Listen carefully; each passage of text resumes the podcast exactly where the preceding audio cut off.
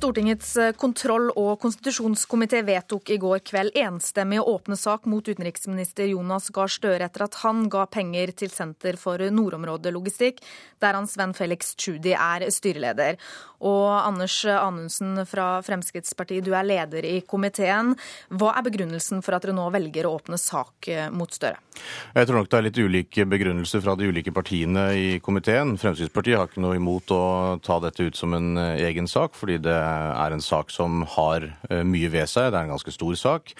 Eh, I utgangspunktet så hadde ikke vi eh, planlagt å lage en egen sak ut av dette, men følge komiteens opplegg ved at dette var en del av de ordinære tilskuddssakene. Men når Arbeiderpartiet nå konkret foreslo det på forrige komitémøte, så har vi selvfølgelig ingen motforestillinger mot at den skal løfte dette ut. Og som saksordfører så ble dette også løftet inn som ett av flere temaer i en e-post fra meg i forrige uke i forkant av komitémøtet. Da var det ikke noe særlig reell diskusjon rundt dette. Men Så vi har ingen motforestillinger mot at vi lager en egen kontrollhøring, egen innstilling og egen debatt om det som nå omtales som Støre-saken. Ja, hvilke fordeler ser du ved å ha en egen sak til dette? Fordelen er for det første at du kan legge en egen tidsplan for den saken, eh, som gjør at den eh, kan gjennomføres raskere. Eh, det er også en fordel at du kan gå grundigere inn i høringssammenheng enn det det naturligvis vil være tid for i denne store tilskuddssaken. Det er vel de to viktigste fordelene, som jeg ser i hvert fall. Martin Kolberg, det var dere i Arbeiderpartiet som ville at det skulle åpnes sak. Er dette et siste desperat forsøk på å renvaske Støre? Nei. Støre har eh, redegjort veldig godt og veldig grundig for denne saken i et omfattende brev på 18-19 sider til komiteen. Og jeg har full tillit til at det han der skriver er sant og riktig, og det tilbakeviser eh, påstanden om at det har vært habilitetsbrudd her, eller at det har vært noen form for uryddig saksbehandling, for også å snakke om det. Slik at det føler jeg meg veldig trygg på. Det som er bakgrunnen for, og det er litt spesielt selvfølgelig for eh, en lytter som eh, ikke tenker på parlamentarisk arbeid til daglig, eh, å sette seg inn i, men det som er bakgrunnen for at vi tok dette initiativet, var at vi nå så at dessverre, vil jeg si, komiteens leder og sakens ordfører behandlet denne saken i medien, ga den tunge karakteristikker, trakk konklusjoner eh, som var av en slik karakter at det var helt nødvendig å få saken til rask behandling i komiteen. Og dette gjorde han uten at saken har vært diskutert i komiteen, altså sakens realiteter. Og da snakker jeg altså om Anders Anundsen, som her sitter ved min side. Ja, Hvordan vil du og beskrive hans håndtering av saken? Nei, altså Det er helt uvanlig å gjøre. Eh, og vi har hatt et veldig godt kontrollklima i, vil jeg si, i Stortinget i denne perioden, hvor vi har hatt konsensus om veldig mye. Og i denne saken her, altså i hele spørsmålet om tilskuddsordningen, og også i denne spesielle saken, så har ikke opposisjonen motsatt seg at kontrollkomiteen skulle gå inn i det. Tvert imot, vi har ment at det var nødvendig. Og Jonas Gahr Støre tok jo selv initiativet til veldig tidlig å si at han ville informere kontrollkomiteen. Det har han gjort på en grundig måte. Da må kontrollkomiteen ta det på alvor. Seriøst gå gjennom hva som blir sagt. Eventuelt selvfølgelig gjennomføre en åpen høring. Så skal vi trekke konklusjoner, men ikke gjøre som Anundsen nå har sagt, f.eks. ved å si at det er hevet over enhver tvil at Tschudi-selskapene var de som var motoren i dette, og ikke Rederiforbundet. Det er et nøkkelpunkt i hele saken, og da sier han at Støre ikke har snakket sant i forhold til Stortinget, og det kan ikke jeg la passere. Og Det er det som er bakgrunnen for vårt initiativ, og det er det som er bakgrunnen for at vi nå får denne saken inn i ordnede former. Og så skal Stortinget og kontrollkomiteen trekke en ordentlig konklusjon, og det skal vi gjøre i fellesskap gjennom en ordentlig behandling. Og da vil det vise seg at denne saken har en helt annen karakter. Ja, vi hører Kolberg komme med kraftig kritikk av hvordan du som leder av kontrollkomiteen har, har eh, håndtert denne saken. Eh, forstår du det? Nei, det forstår jeg overhodet ikke. Og eh, Kolberg skyter svært, svært langt over mål i denne saken. Men jeg forstår bakgrunnen for at han gjør det. For dette er det vi kaller i politikken en politisk avledningsmanøver for å få fokus bort fra det saken virkelig dreier seg om. Så det motivet forstår jeg og har jeg respekt for, men jeg syns det er synd at det brukes i en sånn sak som dette. Og Vi ser jo også at retorikken i denne saken er en helt annen enn det den var i Lysbakken-saken, og det regner jeg med at de fleste merker seg. Jeg syns det er leit, for det gjør selvfølgelig noe med kontrollklimaet i komiteen også. Eh, hvor en kan se for seg at en kan få spissere tone mellom opposisjon og posisjon enn det vi har hatt eh, tidligere, og det syns jeg ikke denne saken fortjener. Og Det eh, Kolberg hevder at jeg sier, er jo han, han driver en slags dobbeltkommunikasjon, for han sier det jeg sier, og så legger han til konklusjonen basert på det. Det er jo ingen tvil om at Tschudi har vært en av pådriverne bak Nordområdesenteret, og jeg forstår heller ikke at det skal være et veldig omtvistet punkt. Det er jo noe også utenriksministeren egentlig har indikert gjennom den redegjørelsen som har oversendt komiteen.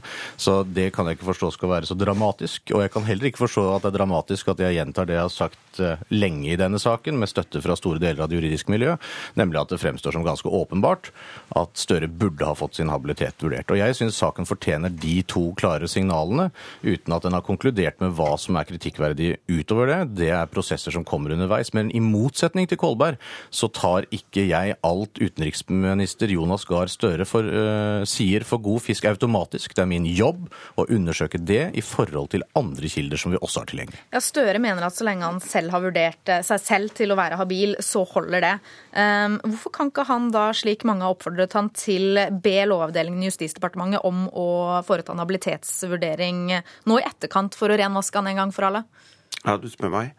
Eh, altså, det er fordi at Lovavdelingen er ikke noen domstol.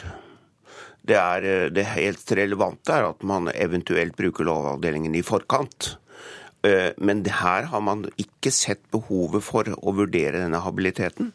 Og det mener jeg at det er godt gjort for og gjennomgått i dette brevet. Og av de påstandene som Anundsen er inne på her, de er det også omtalt veldig grundig i brevet, for å si det rett ut på side 14. Der er de avsnitt etter avsnitt gjennomgått veldig. Og de dokumentene som i går ble presentert som nærmest litt spesielle dokumenter som mediene hadde fått tak i, som det heter, de er oversendt til Stortinget i åpen post. Slik at Det er ikke slik at det er gjort noe forsøk på å holde noe som helst hemmelig fra utenriksministerens side i denne saken.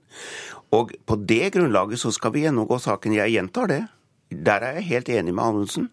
Men jeg, jeg syns han sier jeg overdriver.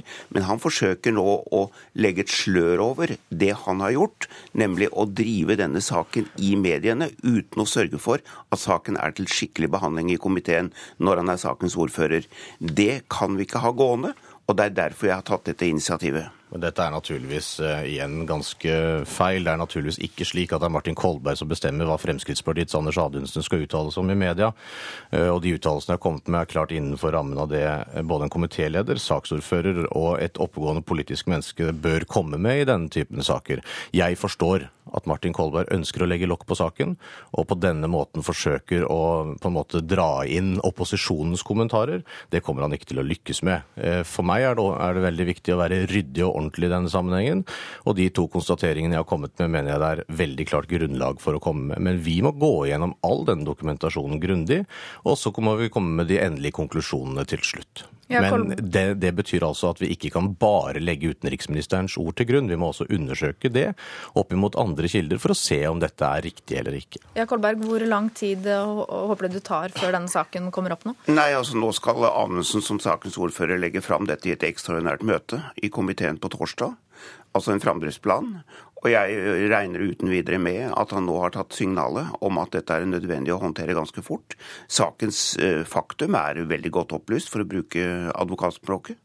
Eh, og eh, det, vi trenger ikke veldig mye runder før vi kan gå til en åpen høring. Jeg har aldri, jeg understreker for alle som hører på dette, Arbeiderpartiet, regjeringsfraksjonen i komiteen, jeg personlig har aldri motsatt meg, motsatt meg at saken skulle behandling, til behandling i komiteen.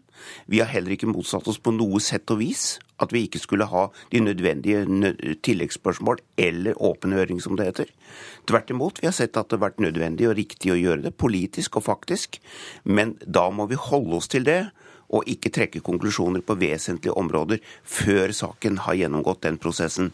Og Det er det som igjen er mitt kritikkpunkt, og det tror jeg at Andersen ser. Han er juridisk utdannet, og han vet veldig godt dette. Jeg vet veldig godt veldig mye av dette. Det som eh, jeg også vet, er at eh, Arbeiderpartiet nå lager politikk ut av dette, og det syns jeg for så vidt er greit nok. Jeg syns ikke saken egentlig fortjener det. Jeg syns saken fortjener en grundig og skikkelig behandling i komiteen, hvilket den er lagt opp til at den skal få.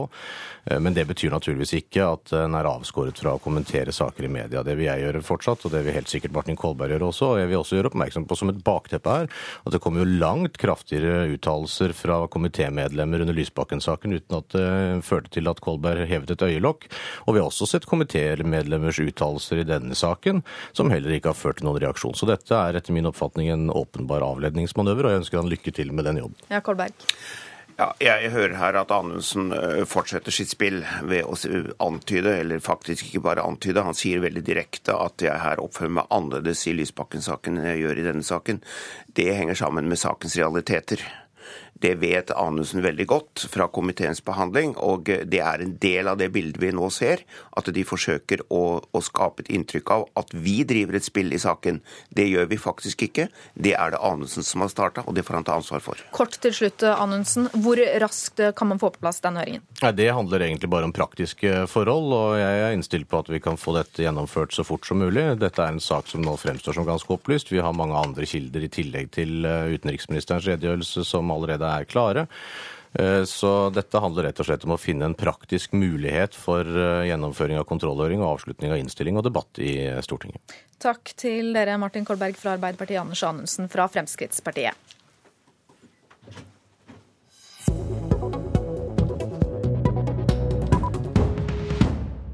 Det kan gå mot eh, stemmerett for 16-åringer. Denne uken kom nemlig rapporten som viser at ungdom blir mer interessert i politikk når de får stemme. Og du ser positive ting ved å la 16-åringene slippe til ved stemmeurnene, kommunalminister Liv Signe Navarsete. Ja, jeg var i utgangspunktet veldig skeptisk når denne saken var oppe til debatt i lokaldemokratimeldingen. Eh, men etter å ha reist landet rundt og snakka med mange av de ungdommene som nå var med på forsøket, eh, så må jeg si jeg er blitt mer positiv. Og det er jo spesielt tre element jeg ser på som, som positive. Det første er at vi styrker folkestyret gjennom at vi utvider velgergrunnlaget. Eh, det andre er at vi kan få høyere valgdeltaking i ungdomsgruppa. Den er jo ekstremt lav, 33% gjennom de siste valgene. Det er for dårlig. Eh, hvis en har stemmerett for 16- og 17-åringer, så bor eh, ungdommene hjemme. Og det vil nok føre til at det er lettere å engasjere dem i lokalvalget og i de lokale sakene. Og det tredje elementet, som vi rett nok ikke har helt belegg for enda, vi må jo følge disse gruppene, de som nå har hatt eh, røysterett ved dette valget, det er en antaking om at de òg ved seinere valg i større grad vil bruke røysteretten enn eh, ungdom som da har starta seinere med, med, å røyste. Så det er noen positive element. Samtidig så er det røster som, eh, som sier eh, at disse ungdommene er for unge, de er ikke ansvarlige nok, osv. Jeg har møtt utrolig mange reflekterte ungdommer som jeg tror jeg er mer voksne og reflekterte enn kanskje de som nå er i 50-åra var når de var 16 og 17 år. Men du har blitt eh, mer positiv, som du sier. Hva var det du fryktet mest eh, da du, du var eh, tidligere? kanskje populisme, og at det ville bli liksom, mer sånn, ja, litt mer populistisk debatt. Det har jeg ikke opplevd. og Jeg har sjekka for så vidt ganske nøye hvordan valgkampene har foregått, for jeg har engasjert meg i dette. Jeg syns det er spennende. Um, derimot så har jeg blitt imponert over bredden i de sakene som, eh, som ungdommene er opptatt av. Jeg skulle tro at det var mest ungdomssaker knytta til fritidstilbud, skole og, og den type ting. Jeg har møtt mange ungdommer som har vært minst like opptatt av forholdene på sykehjemmen til, til besteforeldre. Eh, samferdsel, eh, utenrikspolitikk, bredden i politikk. Eh, ut ifra eh, en lokalpolitisk ståsted. Eh, og det syns jeg er ganske interessant å registrere. Og jeg ser jo òg at både LNU og Barneombudet, som kjenner ungdomsgruppa særdeles godt, er positive til forsøket. Så det vi kommer til å gjøre nå, det er å evaluere det nøye, og så får vi diskutere i etterkant hvordan vi skal ta det videre. Ja, hvor raskt kan stemmerett for 16-åringer komme på plass? Nå skal evalueringen gå i, i år og bli ferdig da, neste år med alle sine faktabiter. Så vet vi at Stortinget er ganske så delt i synet på dette. Og det er jo et spørsmål som rører ved både partidemokratiet og folkestyret i stort. Så jeg mener dette er en sak som vi må diskutere bredt i Stortinget. Og da vil jo det være stemningen der som avgjør hvor fort det kan innføres. Praktisk sett så kan en jo innføre det, eh, ikke ved kommende valg, men iallfall valget deretter. Det vil komme an på de politiske partiets håndtering av spørsmålet, hvor fort det kan bli aktuelt. Takk til deg, Liv Signe Navarsete. Og det var alt fra oss i Politisk kvarter, men P2-dagen, den fortsetter.